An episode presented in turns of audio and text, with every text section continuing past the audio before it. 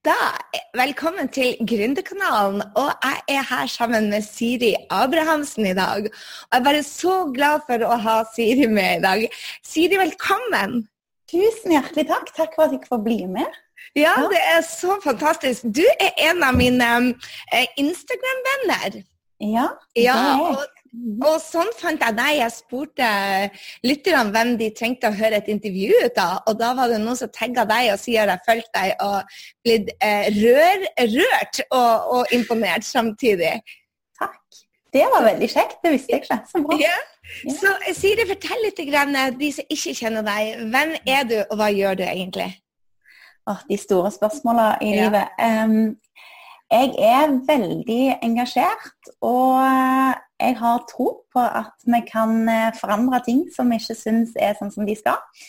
Det er sånn jeg føler jeg er. Jeg er veldig på, og jeg har, um, har etter hvert funnet ut at det går an å gjøre en forskjell. Så jeg um, har tre barn, bor 50% av tida i Sandnes, 50 av tida stort sett i Oslo. Jeg har drevet for meg sjøl i fem år snart. Um, og syns det er en kjempespennende prosess. Så det jeg gjør i hovedsak, er at jeg skaper produkter, og jeg formidler eh, for å skape en mer empatisk verden. Eh, og det er ganske stor jobb. ja, jeg skulle til å si det. En, en, en, empatisk verden. Du har tatt på deg en kjempejobb, da. Ja, jeg har det. Ja. Eh, men det er så kjekt å se hvordan eh, veien blir til mens jeg går. og og der jeg starta for fem år siden, det er jo en helt annen plass enn der jeg er i dag. Og alt det som jeg aldri kunne tenkt meg heller at skulle skje, eh, som har skjedd nå. Så, um, så jeg syns bare det er fantastisk gøy å kunne skape og kunne lage ting. Ja. ja. Mm. Så hva er en av de tingene som har surprisa deg mest med, med, å starte for deg selv? Uh, ja, det er, det er, prosessene som har kanskje overraska meg mest. At det er at det går litt sånn opp og ned. Eh, og at når jeg er nede, så, så, blir jeg nesten glad for å få sånne nedturer nå. For jeg vet at etter det så, så blir ting enda klarere. Eh, så jeg var kanskje så klar over hva prosessen gjør med meg. Eh, og så, og så syns jeg Ja, hva annet har vært veldig overraskende? Um, Nei, Jeg tror det er hvor mye jeg lærer om meg sjøl, og hvor fantastisk heldig jeg er. Ja. Mm. Hva, eh, du, hva, gjorde du før du ble gründer? Da jobbet jeg som konsulent i et uh, lite firma i Stavanger med um, ledertrening, teamutvikling og organisasjonskultur. Og før det igjen så jobbet jeg som leder. Hva eh, gjorde at du hoppa av og begynte for deg sjøl og skulle jobbe med empati? Altså, det er ikke, ja. jeg, det, det, jeg, har aldri sett i Aftenposten at det står liksom sånn eh, Stillingsannonse! Empatisk distributør! Åh, ja, jeg, eh, det har vært en kjempelang prosess, og nå ser jeg jo hvordan det går tilbake helt siden jeg var liten. Men jeg satt på et kontor i Stavanger, og så fikk jeg være med på masse fine kontorer og flotte folk i flotte klær og, og sånn. Og så tenkte jeg bare at er det virkelig her jeg kan gjøre størst mulig impact? Er det her jeg kan hjelpe folk til å få bedre liv og til å bry seg mer om hverandre? Eh, og så fant jeg ut at svaret på det var nei, da. At det var ikke der jeg eh, og, og, jeg hadde heller ikke den friheten til å skape, og for meg er det kjempeviktig. Um, og da tenkte jeg at OK, jeg, eh, hvis det er én plass i verden der det bør være relativt trygt å hoppe uti det, så er det i hvert fall Norge. Hva i all verden har jeg å være redd for, tenkte jeg. Og så, og så gjorde jeg det. Eh, da var jeg jeg tror jeg var 28 år. 28 år trebarnsmor. Eh, og jeg tenkte bare at nei, men eh, det er bare å hoppe i det. Um, og så fra første stund da, så visste jeg at hvis jeg skal få til dette her, så er jeg nødt til å skille meg ut. Og det var på en måte der jeg begynte. Hvordan skal jeg klare å skille meg ut fra mengden, sånn at jeg får såpass mye oppmerksomhet at folk begynner å snakke om meg og blir nysgjerrige på hva jeg holder på med. Og hva var det du gjorde da? Hva var det du fant ut du gjorde? Ja, Da gjorde jeg noe som egentlig var litt sprøtt. Eh, da leide jeg et lokale her, som der har plass til tror jeg 250 stykker.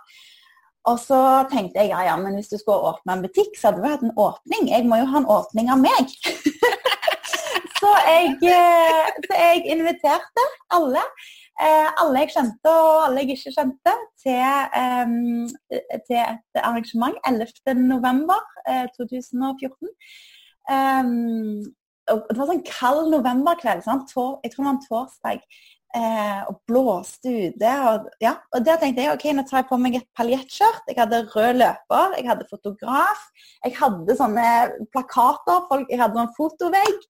Eh, og så holdt jeg foredrag da, og snakket om det jeg eh, brenner for.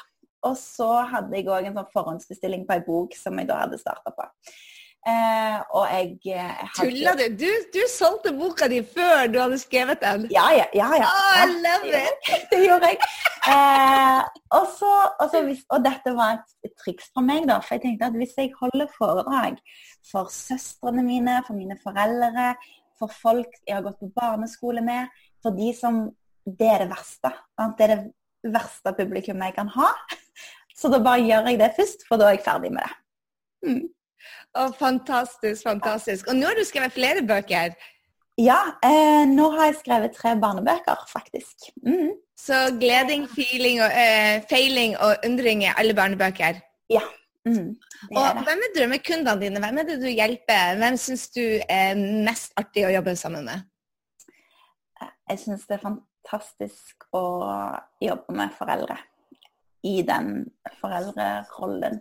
For jeg tenker da det en klarer å gjøre av selvutvikling og av refleksjoner i foreldrerollen, der kommer du liksom nærmest hjertet, som regel. Eh, så det syns jeg er en drøm, å få jobbe med fedre og mødre. Litt sånn selvutvikling for folk som er i kontakt med barn. Det er egentlig det jeg har funnet ut er liksom der jeg har mest lidenskap, da. For det setter så dype spor. Og òg alle som jobber med barn. Eh, det, det, er der jeg tenker at hovedendringen i verden kommer til å skje. For det, det er der framtida ligger. Så det er drømmekunden min eh, akkurat nå. Det er der. Og så, eh, og så er det selvfølgelig flere ut forbi der. Men eh, mm, det er ganske mange i den målgruppa, faktisk. Hva er det du, Når du tenker på selvutvikling, hva, hva, er det du tenker gjør de største forskjellene hvis du ser på de du har jobba med, f.eks. mødre, eh, og du tenker på selvutvikling? For lykke og selvutvikling og egentlig empati, det er sånne mm. svære ord. Så hvis du skal bryte det ned til hvilke endringer du ser i hverdagen deres, eh, hva er det du ser, hvilken impact er det, hvilke endringer er det du ser at du kan være med på mm. Å gjøre oss det? Eh, det å prøve å forstå oss sjøl bedre, altså forstå hvor vi kommer fra, hvorfor vi tar de valgene vi gjør, hvorfor vi har noen prinsipper som vi kanskje aldri har tenkt over, er de prinsippene viktige. Eh, det å forstå våre egne følelser og, forstå, og liksom tørre å embrace, eh, omfavne, omfavne følelsene våre på godt og vondt. Det å tørre å gå inn i det som er vanskelig, for å bli et mer robust menneske eh, i møte med barn som ofte utfordrer oss veldig. Så det å se hvordan var din egen barndom, hvordan, eh, hva, hva, ble belønna hjemme hos deg, hva ble straffa, og hvordan vi automatisk gjentar disse prosessene om vi ikke tar et skritt bak og, og stopper opp. Så, så, det er det jeg snakker veldig mye om det i foredragene. Jeg har mye foreldreforedrag. Um, snakker om liksom, hvordan, var det hjemme hos deg, og det å være klar over da, sant, de automatiske tankene, de automatiske reaksjonene, og hvordan du kan gå over i, i manuelt gir og velge ok, hvilken type mamma vil jeg være, hvilken type pappa, hvilken type bestefar. Um, for det ble i hvert fall ikke jeg spurt om på helsestasjonen når jeg hadde mine tre barn. Vær så aldri, ja, de spurte aldri hvilken type mamma vil du være. Um, så jeg tenker at det er utrolig viktig å spørre om det.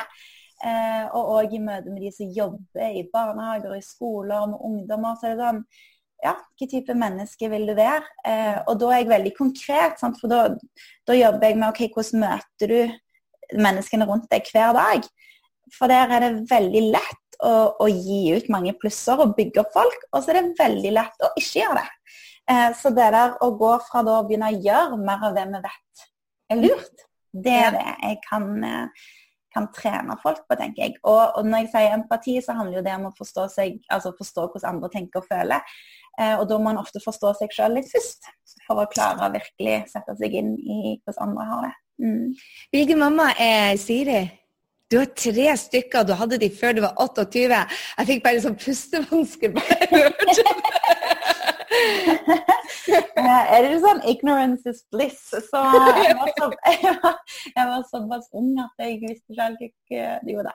Um, jeg var 20 når jeg fikk han, han første der. Jeg er nok en mamma som har veldig få sånne ultimate prinsipp jeg, veldig mye lov hjemme hos meg. Det er lov å hoppe i sofaen, det er lov å, å gjøre mye rart. Um, men de prinsippene jeg har, de handler jo om hvordan vi er med hverandre. Hvordan vi snakker til oss sjøl, om oss sjøl. Um, hvordan vi snakker til og med og om andre. Det er egentlig det jeg er opptatt av. Um, og så, ja, så der er jeg veldig tydelig på hva jeg forventer eh, hva jeg syns er akseptabelt. Men så er jeg òg veldig sånn nysgjerrig på hva de tenker rundt disse tingene. Jeg vil, jeg vil ikke at jeg liksom skal gi dem en pakke sånn som dette skal det være. Jeg har lyst til at de skal gjøre sine egne undringer. Um, og så har jeg én ting som jeg syns er fantastisk fint. og det når jeg spurte han yngste, han er syv år nå, spurte jeg han du, hvordan vet du at jeg elsker deg? sa jeg til han. Eh, og så sa han mamma, det er jo kjempeenkelt. For det, hver gang du ser på meg, så smiler du jo det var sånn et av de fineste øyeblikkene i 2018. Og, og bare det å spørre ungene om det. Hvordan vet du at jeg elsker deg? Mm. jeg tenker, Så lenge mine gutter både vet og føler at jeg elsker dem, så, kan, så kommer det til å gå greit. tenker jeg. Mm. Og vet du hva, det, det, er så interessant å si det, for det var en av de eh, aha-øyeblikkene. Henrik og jeg var på et sånn um, et ekteskapsworkshop her i New York i 2018, i mai. Og Der spurte de hvordan vet du at, um, at jeg elsker deg, at vi skulle spørre hverandre. Og Vi fikk det i oppgave da, til å spørre barna våre og, og ja. hverandre. Og vi fikk virkelig en aha-opplevelse, for vi hadde vært gift i 22 år. Ja. 22 år hadde vi vært gift, vi har aldri spurt det spørsmålet. Oh. Ikke sant? Og det var bare sånn her, Oh my God! Ja. Så vi tok notater som du spruter etter. Jeg vil si det at det spørsmålet har endra vårt ekteskap og oh. forholdet til barna våre. Så det er jo et Frysninger. Ja, det var et, et Vet du hva, det, det er sånne ting som man kanskje ikke ja, for oss Jeg, jeg har tatt coachingutdannelse. Jeg, vil, jeg, føler meg rimelig selvutvikla mm. innimellom og så totalt ignorant på noen områder. Mm. Men det der, altså selv om jeg hadde lest Jeg sikkert lest 100 bøker som handler om kjærlighet og relasjoner, og det spørsmålet hadde bare aldri kommet opp.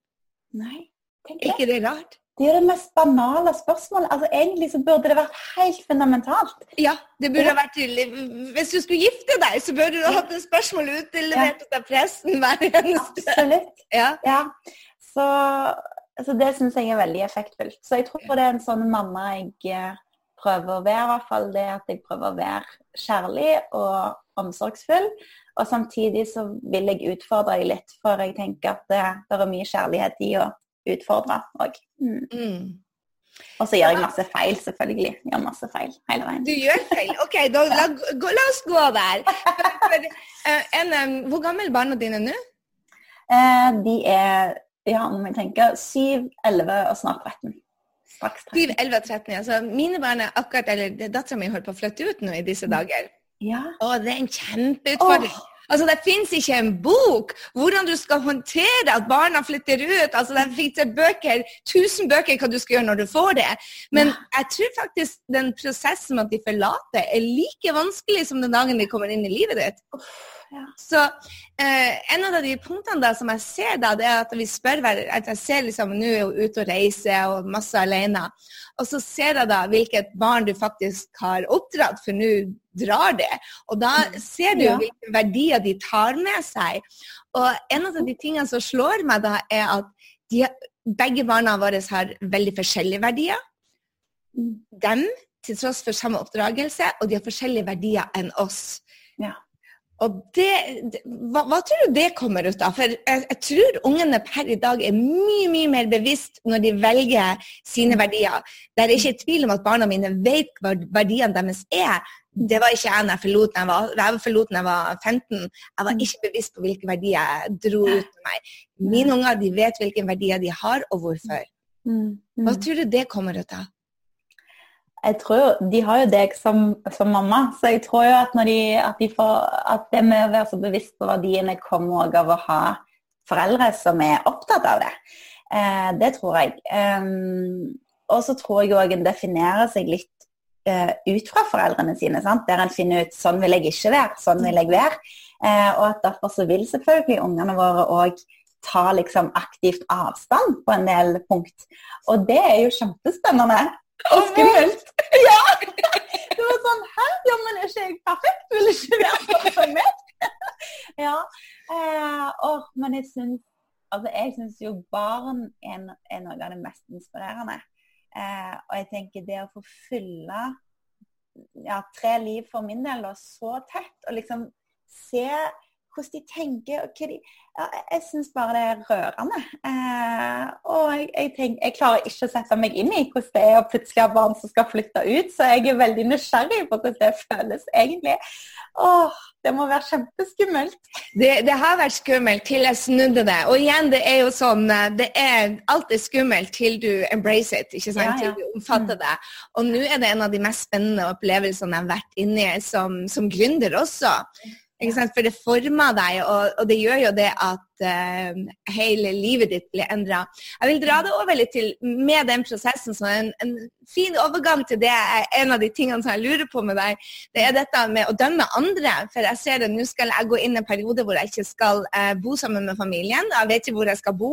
Og alle som bare Ja, men Gry, du må ha et bosted. Jeg bare Nei, jeg skal velge bosted i januar-februar til neste år. Og jeg skal liksom være på loffen til tross for at jeg er 50 år så skal jeg på loffen et år eller halvt år.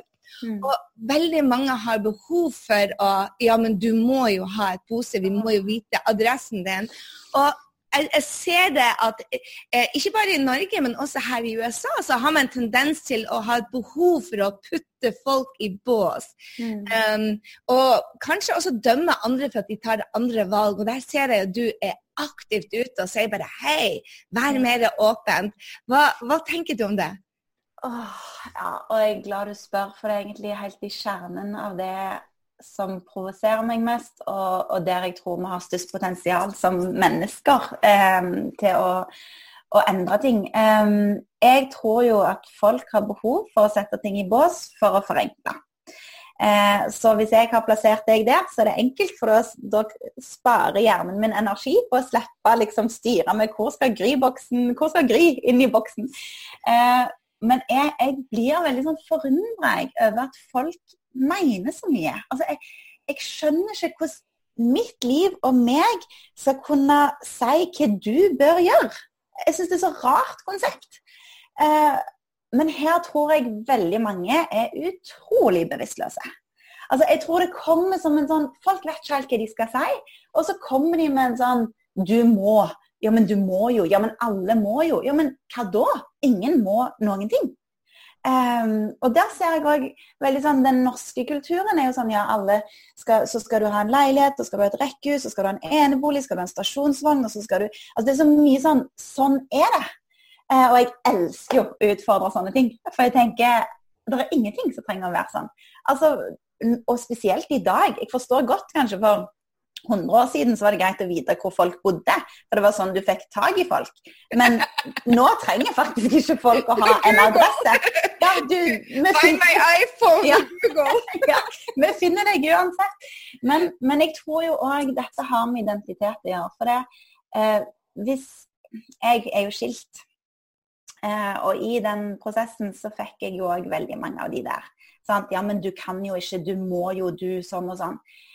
Og så tror jeg da at når jeg tar et valg um, som kanskje andre òg kunne tenkt seg å tatt, og de ser at jeg tar det valget, så får de en liten usikkerhet i seg sjøl. Oi, kunne jeg òg egentlig ha gjort det?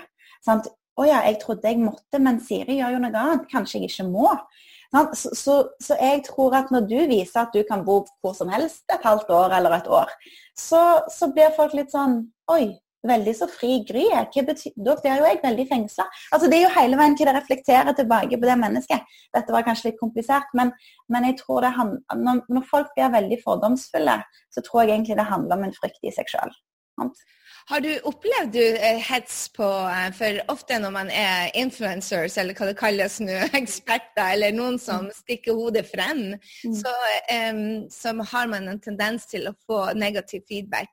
Men du mm. er jo stort sett bare snill og grei. Får du også negativ feedback, eller, eller er du for lite jeg, jeg, fikk jo det jeg fikk jo det eh, i Samlivsbruddet. Så fikk jeg jo spørsmål hvordan kunne jeg jobbe med gleding hvis jeg ikke drev med gleding hjemme. Ah. Så der var det noen som mente at siden jeg ble skilt, så, ja, så var jeg på en måte bare der ute, men ikke inne. Og det gjorde jo litt vondt. Jeg skjønte at er det greit å si sånn til folk? Um, jeg tror ikke Altså, budskapet mitt er ganske um, vanskelig å angripe, tror jeg. Så jeg får Men jeg får jo litt sånn ja, Folk som syns det blir for mye. Eh, folk som, som, lurer altså sånn, Hvem tror du at du er? og sånn. Men det var mye mer i starten. For det er nå jeg, jeg bryr meg ikke om det lenger. Nei. Og da legger jeg heller ikke merke til det. Jeg er ikke så opptatt av det. Nei. For for meg blir liksom det jeg driver med og hensikten og det som skjer der ute, det blir så mye viktigere. Eh, og, så, og, så, liker jeg jo meg sjøl eh, nå. Og det er veldig fint. For da da kan folk egentlig mene det de vil. Jeg vet jo at jeg har gode intensjoner med det jeg holder på med. Men akkurat hets Jeg vil ikke si at jeg har opplevd eh, sånn ordentlig hets. Det har jeg ikke. Nei. Ikke som jeg har fått med meg. jeg fikk litt hets i går, eller hets og hets. Var, eh, en av de tingene jeg skriver ned hver morgen, er at jeg skal være en eksepsjonell mamma og kjæreste. Og en annen ting er at jeg skal være den mest positive, energiske personen jeg kjenner. Og, ehm, og, da fikk jeg mye ut av det på, på, på, nettet i går. Og jeg tenkte når jeg satt og skrev det der, i dag så føler jeg meg eksepsjonell energisk til å være syk. Ja. Uh, og så da var det to stykker, du får jo det du er attracted ikke Så var det to mm. stykker som sa det. Ja, du er så irriterende energisk, så hopp mm. av. Eller jævla idiotkjerring, la sende henne på sykehuset. Og da tenker jeg bare, Det finnes veldig mange mennesker der ute som har behov for å uttrykke sin negativitet. Mm. Um, og jeg må innrømme at jeg var en av de tidligere òg som uh, hvis jeg var på butikken og jeg hadde krangla med Henrik, så fant jeg alltid noe feil med mm. varene som ikke var der. At jeg tok min negative energi ut på, på andre.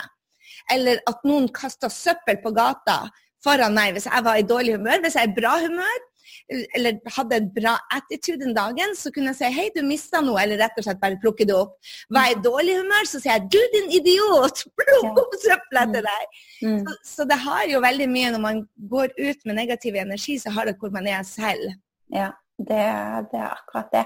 Og jeg tenker jo sånn om, om for, voksne folk som, som, kommer med veldig mye oppgulp, da.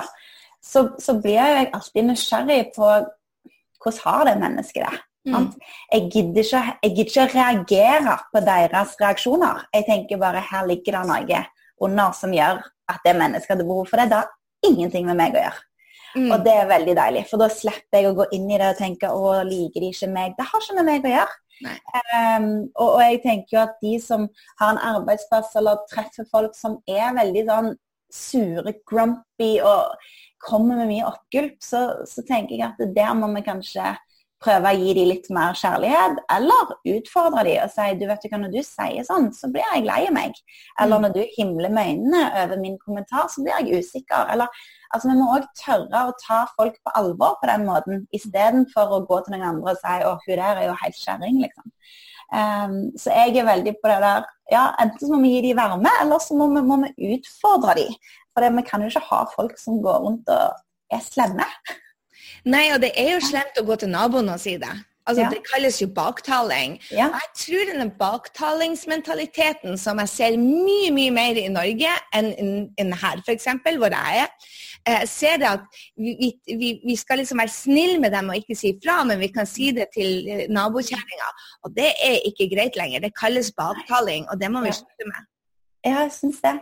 Absolutt. Syns vi skal ha ja. Ja, vi må, vi må, tørre å si ifra, altså, for det, det er ikke OK lenger. Nei, og så tenker jeg at de trenger å få en tilbakemelding om hvordan de blir oppfatta. Mm. Og, og, da jeg skrev nettopp på Instagram om det. altså Det å, å, gi den tilbakemeldingen er jo en gave. Det kan godt være personen blir sint, sur eller lei seg, eller hva det måtte være, men da viser jo i hvert fall du at du tar personen på alvor. tenker jeg. Mm. Og når jeg gjør dumme ting, så har jo jeg kjempelyst til at noen skal utfordre meg på det og si du Siri, nå eh, Det der var ikke helt bra, eller ja, det ja. syns jeg er fint å få høre. Ja. Så hvordan har, du, hvordan har overgangen til gründer vært? Vi har jo veldig mye gründerkanal, pluss mye mer. Ja, ja. hvordan har overgangen fra å være fast ansatt til gründer, hva har vært bra, hva har vært eh, mindre bra? Åh, oh, det er masse som har vært bra. Eh, hva har vært bra? Det har vært alt som jobben innebærer. Alle folka jeg får treffe. Um, alt jeg lærer. Eh, ja, takknemligheten har blitt mye dypere. Friheten, selvfølgelig. Um, jeg syns jo nesten alt er bra. Uh, så det som kanskje er lettere å finne ut hva det som ikke har vært bra, da, det er jo Men jeg syns jo det òg er bra. Altså, for det som ikke er bra, er jo at jeg blir ganske enspora. Jeg blir veldig inni det jeg holder på med. Um, og det gjør jo at, at, livet mitt blir Det er guttene mine, eh, kjæresten min og jobben min. Sant? Det er liksom de to som, som, tar utrolig mye plass. Og det gjør jo at jeg blir litt sær, kanskje. Men jeg syns jo ikke det gjør noe. Men det kan være andre, andre syns at det er litt irriterende. Og at jeg, jeg, blir veldig sånn enormt oppslukt i det jeg driver med. Um, og så kan en jo si at det som ikke er bra, det er jo av og til utryggheten eller usikkerheten på eh, økonomisk, hva skjer det neste året, all den.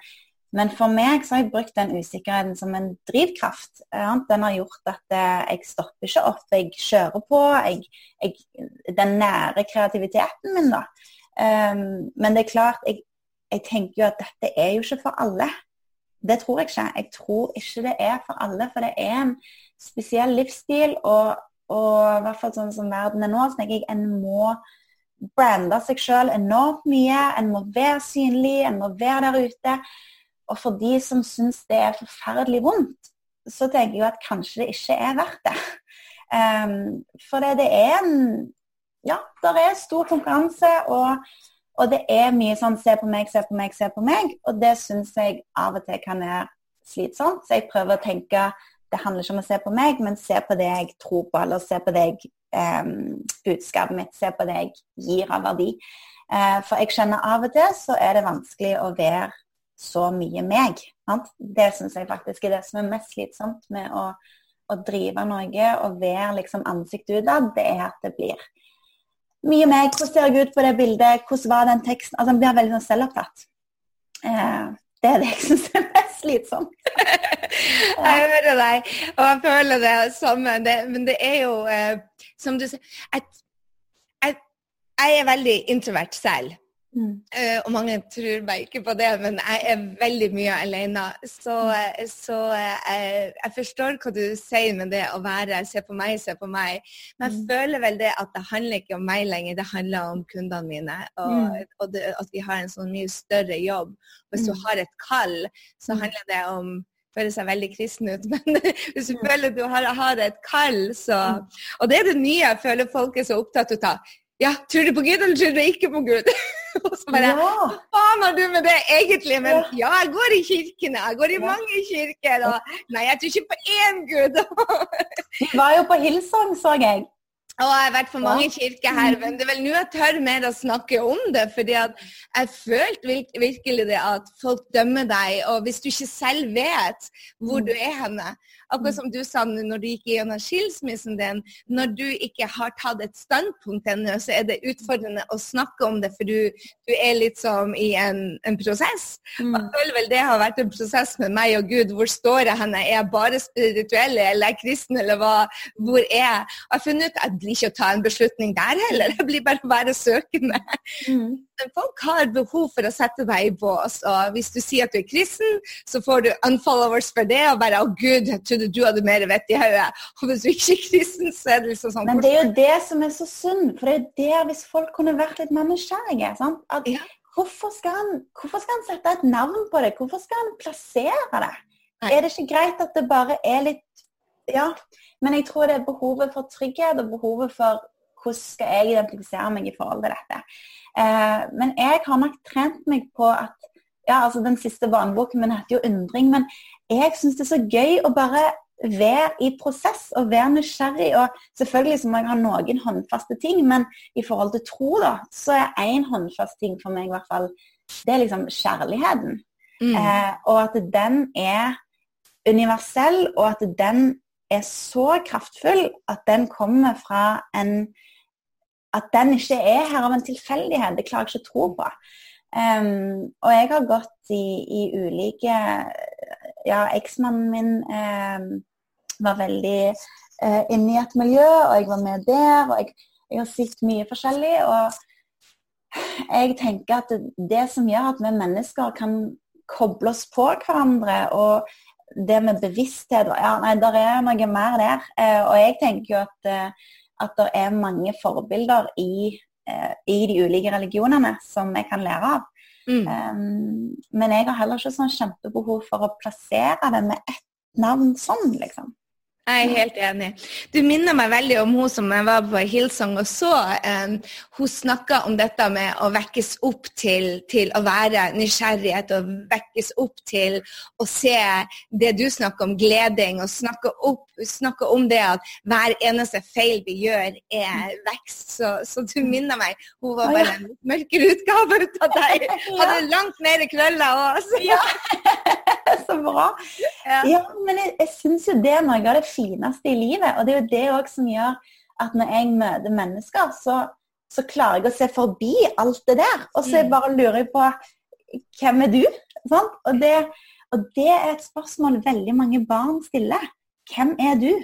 Mm. Og det er et helt fantastisk nydelig spørsmål. Ja, jeg synes det, Og det er så åpent, og alle ja. kan svare.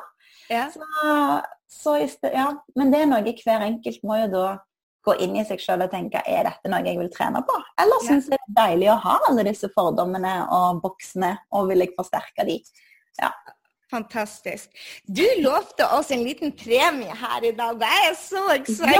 Ja. Tre ja. våre. Del med oss, Siri. Ja, altså, jeg, skrev, eh, jeg har en bok som heter 'Historien om deg' som er en eh, selvledelsesbok som tar deg fra fortid til nåtid til framtid. Der en får sortert tanker både på eh, relasjoner, verdier, følelser, mål, hensikt. Eh, jeg syns det er en veldig fin bok. Halleluja! Ja. Og så tenker jeg i forhold til å være gründer, gründerkanalen, det du gjør, Gry, og det må bli sin beste versjon, og så er den boka veldig sånn et godt verktøy for det, da. Eh, reflektere, skrive ned. Um, og så er det òg en slags takknemlighetsdagbok, så du får spørsmål morgen og kveld. Og da tenkte jeg åh, det hadde vært utrolig gøy å få delt uh, ut noen premier så fantastisk. Så vi deler ut premien for eh, deg som eh, tar en screenshot og tagger Siri eh, og Gry Sinding. Siri Abrahamsen på Instagram. Jeg skal legge det med i shownotene. Og del med oss hva du digger med Siri. Ah, det hadde ikke Jeg vet du hadde ikke lyst til det, men jeg digger deg, Siri. Og del med deg, hvis du, hvis du ikke skulle digge Siri en, en, kvalitet, så del hva du elsker Siri sa for noe. Jeg vet at du elsker Siri. Siri. Så tusen takk, Siri. Um, vi trekker egentlig bare um, tre stykker, så skal Kry Gry eller Siri få sendt dem ut til dere. Og um, del gjerne hva du lærte. for det at jeg, Siri, tusen takk for å ha vært her. Jeg, jeg har lært å være mer nysgjerrighet ut av din Instagram-konto. Jeg har lært meg å være mindre dømmende. Og jeg har lært meg å se mye ut av de små gledene som er i hverdagen, for du minner meg hver dag på det. Så tusen, tusen takk, Siri. Tusen takk for meg. Det var fantastisk fint å få bli med.